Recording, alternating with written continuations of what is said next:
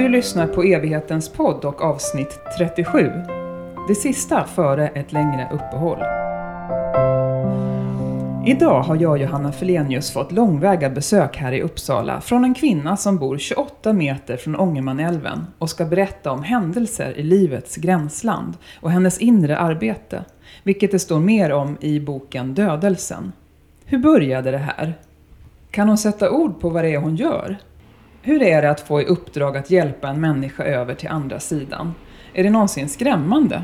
Vad ger det henne att bygga broar mellan olika världar? Inga-Marie Solders, eh, välkommen till evigheten. Ja, men tack. Du är på utflykt söderöver. Hur känns det att vara i en stad och på Kungsgatan som är så trafikerad? Är det ovant liksom? Det är ovant men känns helt okej. Okay. Har du levt mer isolerad än annars på grund av pandemin? Ja, det har jag verkligen. Ja, jag har hållit mig hemma vid och, och där har jag min sambo och hund och katt och får och inga andra människor omkring mig. Så att det har kunnat gå veckovis när vi bara går med varann. Hur blir det för dig?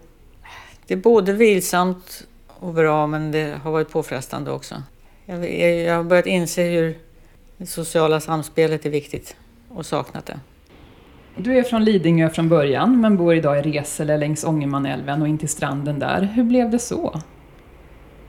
Eh, jag bodde i Stockholm och eh, mådde inte bra av det.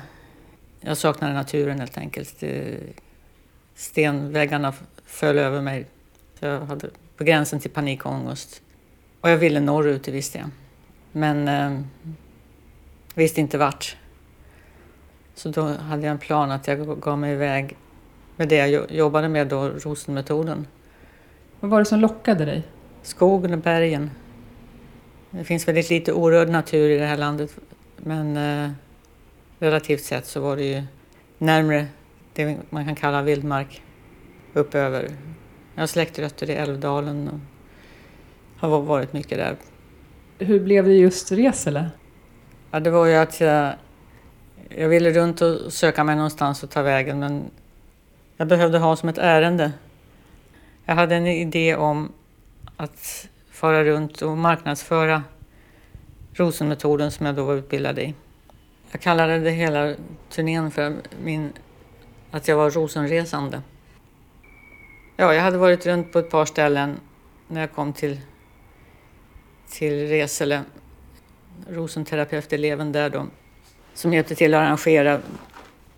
Och då jag hade ju redan då program kring det här med dödelsen också. Fast det ordet var inte påkommet vid det laget. Utan då kallade jag det för tillstånd att dö till exempel. Det var lite olika teman. Men Jag höll ett föredrag på det temat också.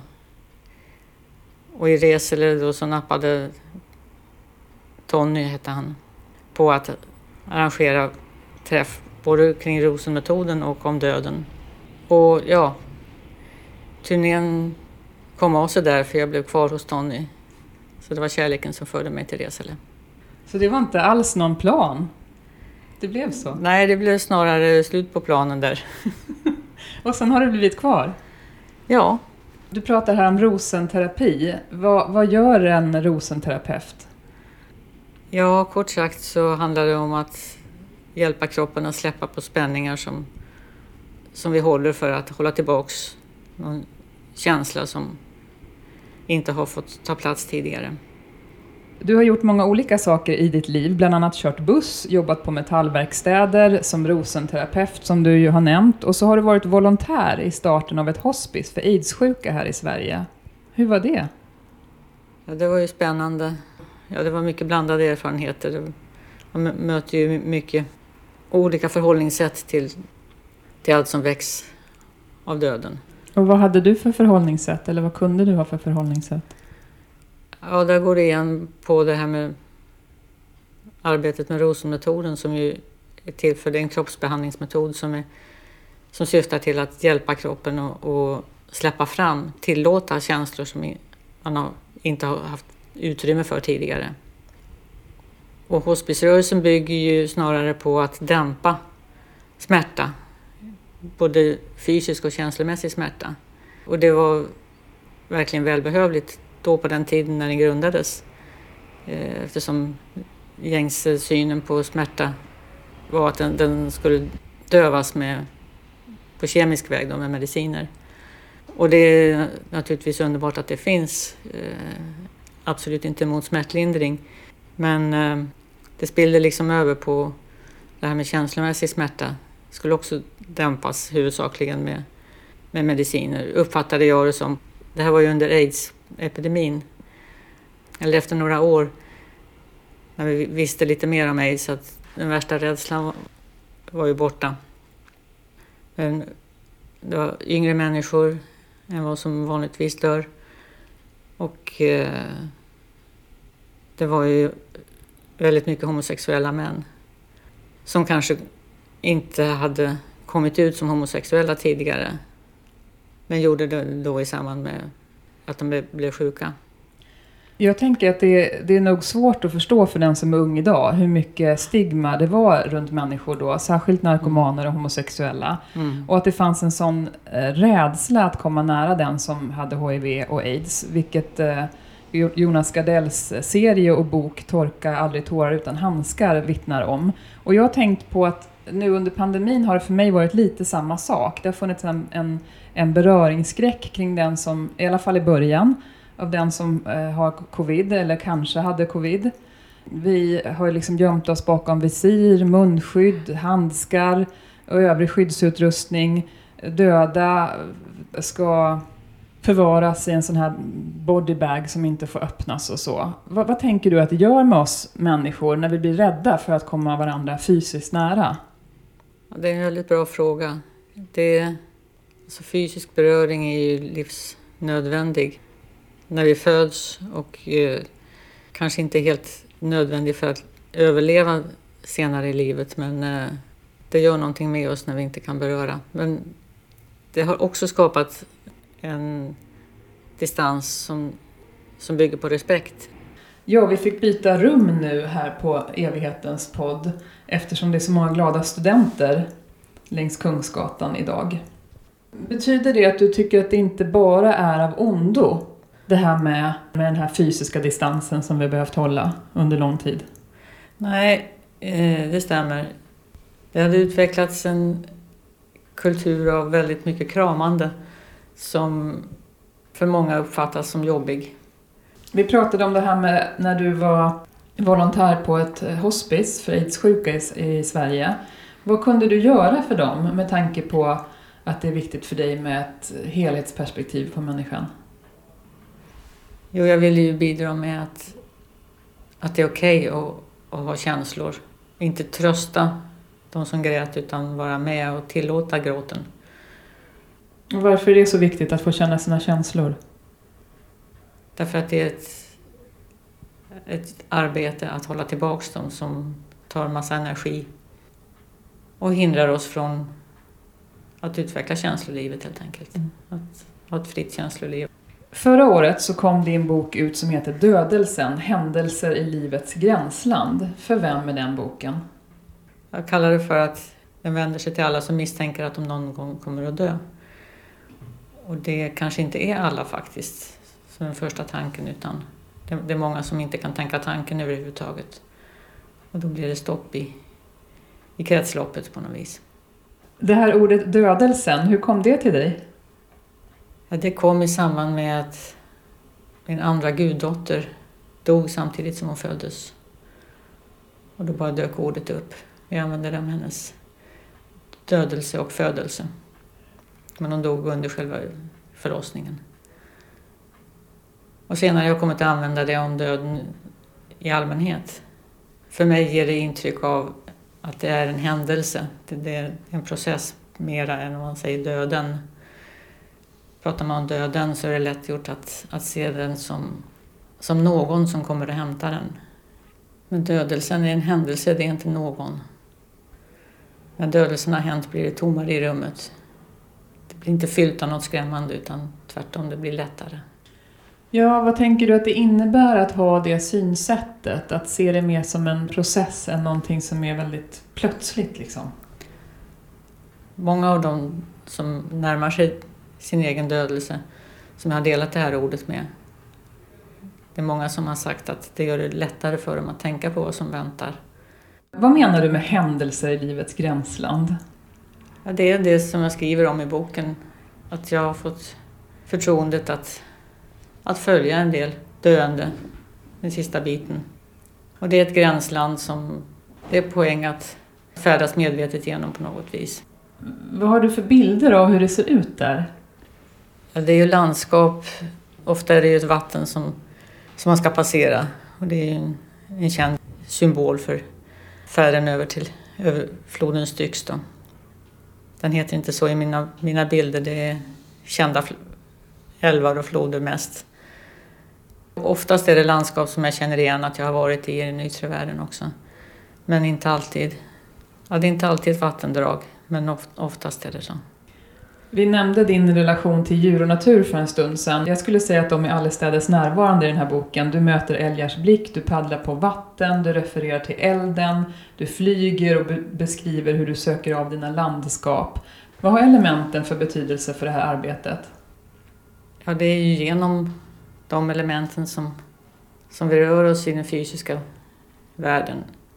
Och dödelsen handlar ju bara om den fysiska sidan av tillvaron, det är den som dör. Vad som händer med den andra sidan vet jag inte. Jag följer bara fram till gränsen och sen släpper jag där. Din barndomsvän Tina, som redan var död, bad dig om hjälp att köra dig över en bro. Hur då? Ja, hur då? I hennes egen gamla folkvagn. Som jag hade kört tillsammans med henne i den yttre världen också. Det här skedde i en dröm kroppen låg och sov. Men det är en dröm som jag minns lika tydligt nu som för många år sedan det nu är, över 40 år sedan. Hon sa någonting. Vadå? Jo, jag körde henne över Lidingöbron och parkerade ner på Ropsten. Sen ville jag följa henne när hon gick mot tunnelbanan. Men eh, det fick jag inte. Och då kände jag mig avvisad och blev sur. Att hon inte kunde förklara vad hon skulle göra och varför jag inte fick följa med. Men då vände hon om och, och sa att hon kunde inte förklara varför jag inte fick följa henne. Utan du kommer att förstå det senare, sa hon. Men du, du skulle inte förstå det nu. Och det lät ju bara konstigt. Men så sa hon också att mm, jag måste lova henne att genast åka tillbaka över bron. Och det kunde hon inte heller förklara varför det var viktigt. Hon upprepade samma sak, att jag inte skulle förstå. Och sen började hon tacka mig väldigt översvallande. Hon sa att det var något viktigt jag hade hjälpt henne med. Och jag ryckte på axlarna och tyckte att det var väl ingenting, bara köra den över bron. Men då kom det där igen att hon inte kunde förklara. Men jag kände att det var viktigt för henne att, hon, att jag tog emot hennes tacksamhet. Så för, först när jag gjorde det så strömmade en enorm kärlek mellan oss och vi kunde kramas och ta farväl. Och hon tog tunnelbanan ner i underjorden och jag tog gamla Folkan över Lidingöbron tillbaks till, till ön där vi hade växt upp. Och sen vaknade jag ganska direkt när jag kom över på ön då. Hemma i Västerås och var helt förvirrad. Jag visste ju att jag hade varit på Lidingöbron. Men eh, så sa jag till min dåvarande partner att eh, om jag trodde på ett liv efter döden så skulle jag säga att jag hade mött Tina i natt, men sånt tror ju inte jag på. Och det var det hon visste. Att jag inte skulle acceptera det. Därför kom hon till mig i en dröm. Ville du vara kvar där? Med henne? Ja, visst. Det ville jag. Det var ett sånt speciellt ljus. Alltså när jag kom upp Lidingöbron först så var det ju ett ljus som, eh, som gjorde att jag inte såg bron överhuvudtaget och höll på att bli rädd. Men så kände jag att men det var tryggt att köra vidare. Så du ville vara kvar i ljuset? Jag ville vara kvar i ljuset, ja.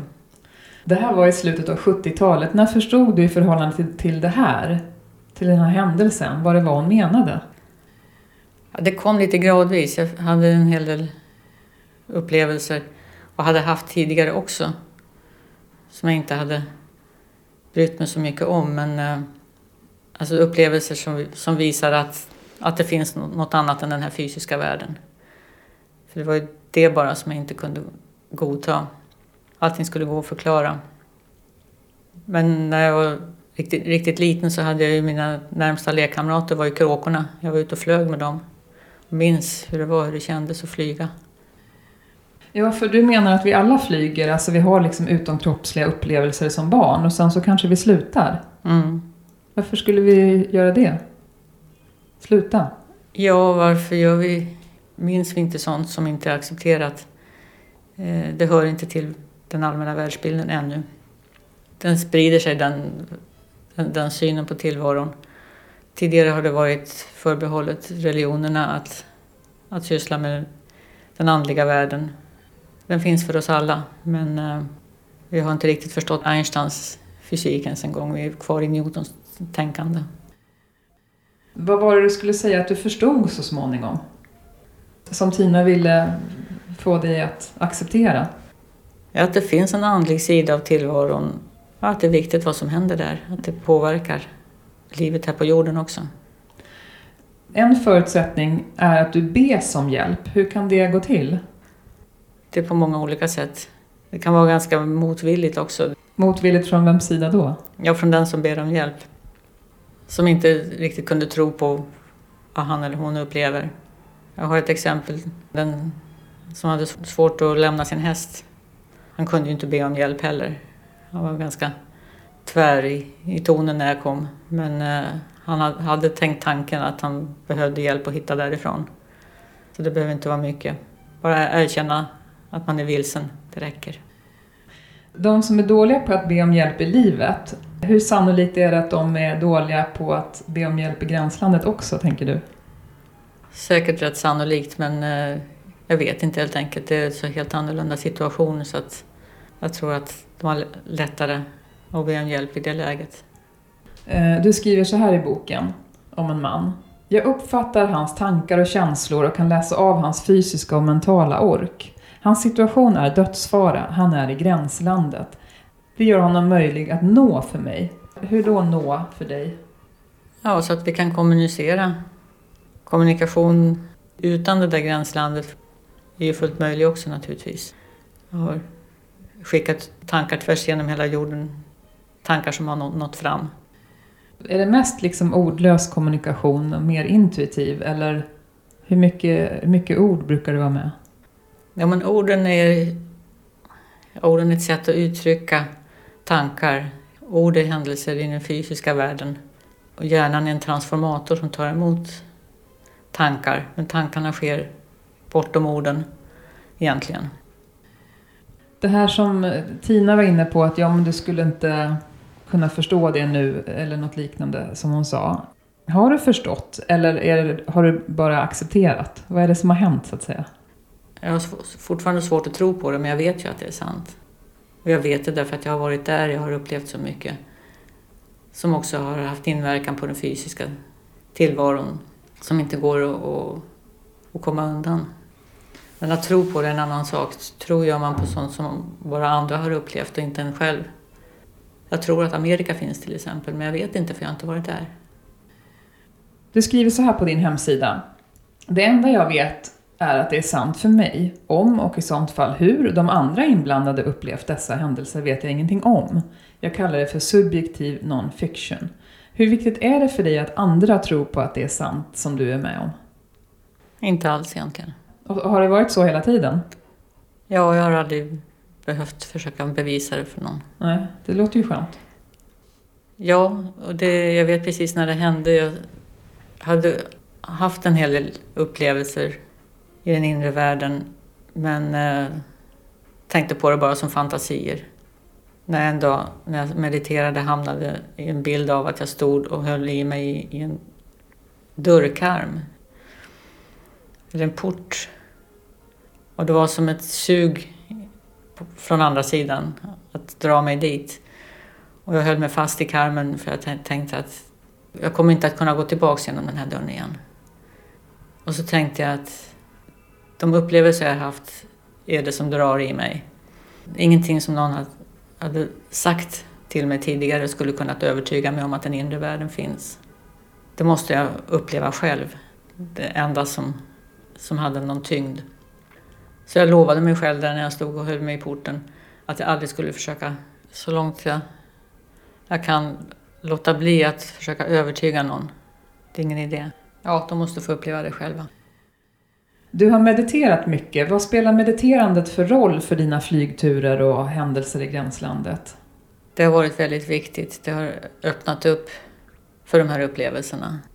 Ja, det var viktigt för att utveckla arbetet men inte nödvändigt från de här barndomsupplevelsen till exempel när jag flög med kråkorna. Det var ju innan jag mediterade. Jag var max fyra år gammal. Ibland hjälper du även människor tillbaka till livet. Hur kan det se ut? Ja, det är de som har befunnit sig nära att dö och vi får kontakt. Det är inget syfte jag har att nödvändigtvis följa över till andra sidan. Finns det möjlighet för dem att komma tillbaks så understödjer jag naturligtvis det. Kan du välja vilka du hjälper? Det vet jag faktiskt inte. Jag tror inte det har varit aktuellt att, att, att neka någon. Och det är inte alls alla tillfällen som jag har så här tydliga minnen av som det jag har skrivit om i boken. Många gånger har jag bara en vag känsla av att jag har varit ute på, på något sånt. När jag vaknar ur sömn eller meditation. De flesta klarar övergången själva, menar du. Har du någon aning om varför vissa vill ha hjälp och andra inte? Jag tror det har att göra med om, om man har något som tynger sinnet. Någonting som är svårt att släppa. Eller någon rädsla inför att behöva stå, stå för någonting man har gjort. Stå till svars på något sätt? Mm. Och hur vet du att du hjälper? Nej men som sagt, jag vet inte hur de jag hjälper har uppfattat det. Jag känner deras tacksamhet. Om jag ska tro på känslor så säger jag att jag vet känslan. Men det är ingenting jag kan bevisa på något vis. Du skriver så här. Jag vet att det finns hjälp att få för alla som behöver det. Vad betyder det? Att veta det? Ja, det borde ju ge en trygghet. Men det är som sagt det är ingenting jag kan övertyga någon om som inte tror på det från början. Nej. Men du verkar inte ha något behov av att missionera heller? Nej, verkligen inte. Nej. Vill... Och jag vet inte hur jag vet det heller, men det, det är något sånt som har kommit till mig i, i den undervisning som jag har fått och i den inre världen. Mm. Ja, för du har haft en lärare? Ja, jag har en lärare där. Mm. Aron? Nej, Aron är inte läraren, han, han är ankaret. Den som ser till att ge klartecken när det är dags att, att, att ta sig över vattnet. Mm. Och se till att jag vänder tillbaks. För det är lockande att följa med in i ljuset. Har du blivit förvånad någon gång över att du har vänt tillbaka, så att säga? Jag vet inte om jag har blivit förvånad direkt. Lite, lite, lite sorgset. Som den här tågkraschen som jag skriver om. Då var det väldigt blandade känslor att jag hade överlevt. Jag var både väldigt lycklig över att ha överlevt oskadad och det kändes tokigt att jag inte blev insläppt där hemma som det kändes som. Ja, du var med om en bilolycka. Ja. Där du blev överkörd av ett tåg och slungades ut ur bilen. Och när jag läser det här så tycker jag att det verkar otroligt skrämmande. Ja. Men för dig var upplevelsen en annan. Hur då? Ja, vid själva kraschen så slungades jag ur bilen. Eller jag, medvetandet, själen, vad vi nu ska kalla det för, slungades ut och upp ur bilen på jättehög höjd. Jag såg bilen och tåget uppifrån. Jag hann tänka tanken att nu är det slut, nu kommer jag att dö. Och först kändes det bara fånigt. Som att jag hade gjort bort mig. Ja, men man kör inte bara på ett tåg alltså. Det är hur klantigt som helst. Men sen nästa tanke, det var att det var den här känslan. Det var inte en tanke, det var en känsla av fullständig frihet och att jag skulle få komma hem. Och det var bara glädje. En glädje som inte går att beskriva egentligen i ord. Men sen blev jag ju inte insläppt där hemma. Jag blev nobbad att, att få komma in där och skulle återvända till kroppen. Och när jag gjorde det, när, när jag landade i kroppen igen då, då höll den ju på att, att mosas egentligen av bilen som höll på att skrynklas ihop runt omkring mig. Pressad mellan tåget och en jordvall där det inte fanns plats för bilen. Och då höll jag på att bli rädd. Men samtidigt så kom den här insikten om att jag kommer inte att bli skadad. Jag kommer att kliva ur den här bilen helt oskadd. Och så förde jag en slags dialog med den tanken att ja, men hur ska det gå till? Här har jag inte en chans. Jag kommer att, att mosas. Men då fick jag också tanken att om jag ger efter för rädslan så kommer jag att krossas. Om jag litar på den här tanken att jag inte ska skadas, då kommer jag klara mig. Och hur jag lyckades kan jag inte säga. Men det var väl då jag bestämde mig för att lita på den inre världen. Och upplevde att den är starkare än den fysiska. För det blev som en skyddskåpa runt kroppen på mig. Och plåten i bilen nådde inte kroppen helt enkelt. Det fanns plats för min, min kropp i den där bilen och ingenting annat. Allt annat var ihopskrynklat. Du beskriver i boken hur det, hur det var när tågföraren kommer fram till dig, att den var nästan mer chockad än du. Ja, han, han var rätt skärrad. Och jag var lugn faktiskt och fylld av den här vissheten att jag, att jag hade klarat mig och, och kände den här energin fortfarande. Du vill lyfta fram att det inte är unikt det du gör. Vad vill du ha sagt med det? Jag vet att det finns många, både på den här sidan och, och från andra hållet, som gör liknande arbete. Och jag vet att det är många som har upplevelser som liknar det här och som är nog så värdefulla. När någon närstående finns vid sidan om en döende så sker ofta det här arbetet spontant. Och en del har medvetna tankar och minnen om känslor kring det hela. Och för andra så, så kanske det sker helt i, i det omedvetna. Hur viktigt är det att ha en medvetenhet kring till exempel en anhörig som finns vid någons dödsbädd? Hur viktigt är det att den är medveten om vad den gör? Eller spelar det inte så stor roll? Man kanske kan vara till hjälp ändå? Ja, det tror jag. Vad som är viktigt är att låta det ske, att bejaka det bara i den mån man är medveten om vad som händer. Låta vad ske? Att följa på ett inre plan, att öppna sig för, för den kontakten, den djupa kontakten som sker oberoende av vad det kroppsliga medvetandet kan uttrycka. Mm. Även en, en som inte kan prata längre och inte verkar reagera på ljud eller beröring kan ha en, en inre medvetenhet, en inre närvaro och vara fullt, fullt klar på vad som händer. Ja, för jag tänker att det är lätt hänt att som anhörig i en sån situation bara vilja liv till varje pris och kanske ibland för sin egen skull. Det är ju en ganska naturlig känsla, vilja att vilja hålla kvar den som är döende men eh, det, då är man ju inte till hjälp. Det kan vara nödvändigt till och med att gå därifrån allra sista stunden. Om man känner att jag kan inte tillåta den här. Men det var ju inte för inte som mitt föredrag som jag höll i, i Resel hette Tillstånd att dö. Och jag tror det är viktigt att ge det tillståndet, både till sig själv och, och om man är med någon anhörig eller någon närstående. För att om man, i vissa fall menar du att om man stannar kvar så är man liksom i vägen för det som behöver hända? Det kan bli så, ja. Mm. Sånt där kan vara känsligt att påpeka för ja. tror att man ska sitta och hålla handen in i det sista men det kan vara läge att släppa. Så följ ingivelser vill jag säga i sådana lägen att vill du gå därifrån så gör det. Vill du släppa en hand som du håller även om inte sista andetaget är taget ännu så kan det underlätta. Eh, jag antar att det här är ett arbete som är svårt att fakturera. Det betalar liksom inte hyran att verka i gränslandet. Nej, det gör det ju inte. Det är väl urtypen av ideellt arbete kan man säga. Rent liksom praktiskt, hur har det varit eller blivit för dig? Att du inte kan? Det här är ingenting du tjänar pengar på? Jag vet inte om det har tagit plats i livet på det viset.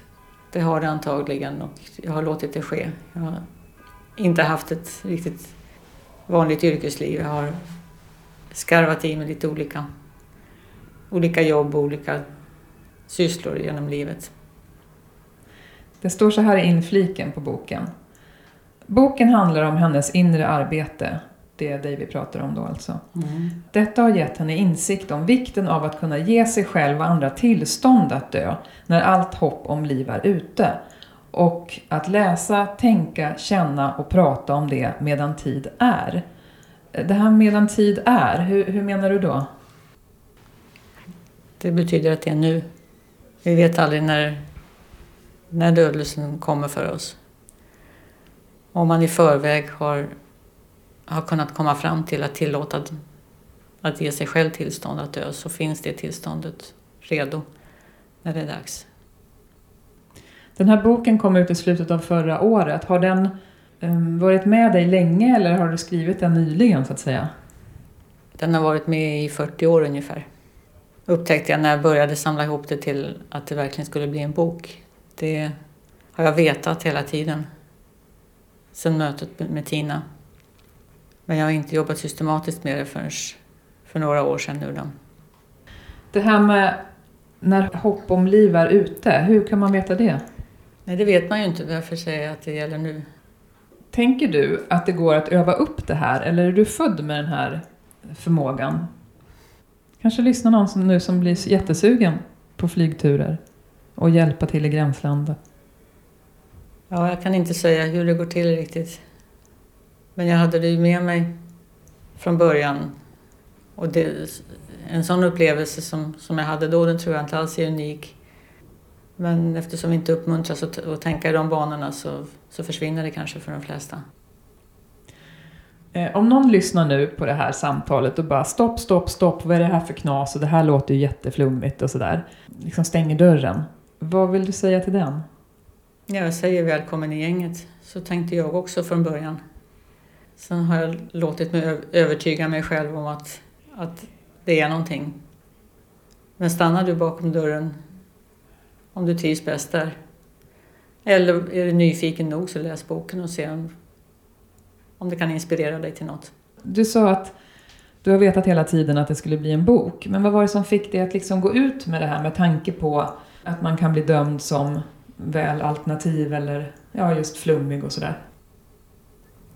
Jag känner inte som att jag har hemlighållit det tidigare och kommit ut först med boken utan jag har ju hållit föredrag och undervisning och workshops på, på temat tidigare också och berättat om, om en del av de här upplevelserna som jag skriver om. Så att det har funnits med mig. Om du får bestämma, hur skulle du vilja att vi läser den här boken? Med öppet sinne. Jag vet en del som har sträckläst den rakt igenom och andra som tar ett kapitel i taget och, och behöver smälta det. En del berättelser är som sagor. Låt det vara det. Bara låt det sjunka in. Du, vad kallar du dig för? Vägledare, schaman eller hjälpare eller gränslös inom citationstecken? eller har du liksom inget behov av titlar? Nej, jag har inte tänkt.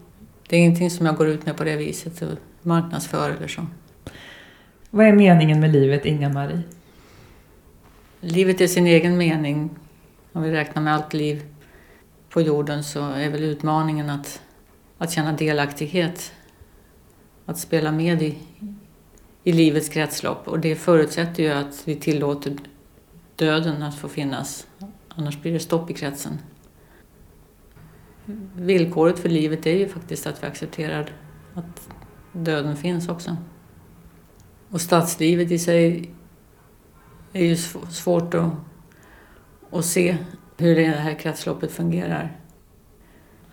Ja, apropå stadslivet så är, har vi just idag glada studenter som åker här utanför och tutar med bilar och så. Vad tänker du går förlorat när vi inte har den här kontakten med det cykliska, med födelse, levnad och dödelse? Vi blir vilsna och beter oss konstigt mot naturen. Du vill bidra med hopp genom den här boken. Hur då? Jag hoppas att den kan göra livet lite lättare, både att leva och att lämna. Om vi ser de här, det här sambandet och återupprätta känslan för kretsloppet. Livet kommer att fortsätta. Och vill vi vara med i fortsättningen så får vi lov att samarbeta med, med det sätt som naturen själv fungerar på. Vad ger det dig att hålla på med det här? vet jag inte om jag kan säga någonting om eftersom jag inte vet hur det är utan det. Just det. Det kanske är meningen med livet för mig.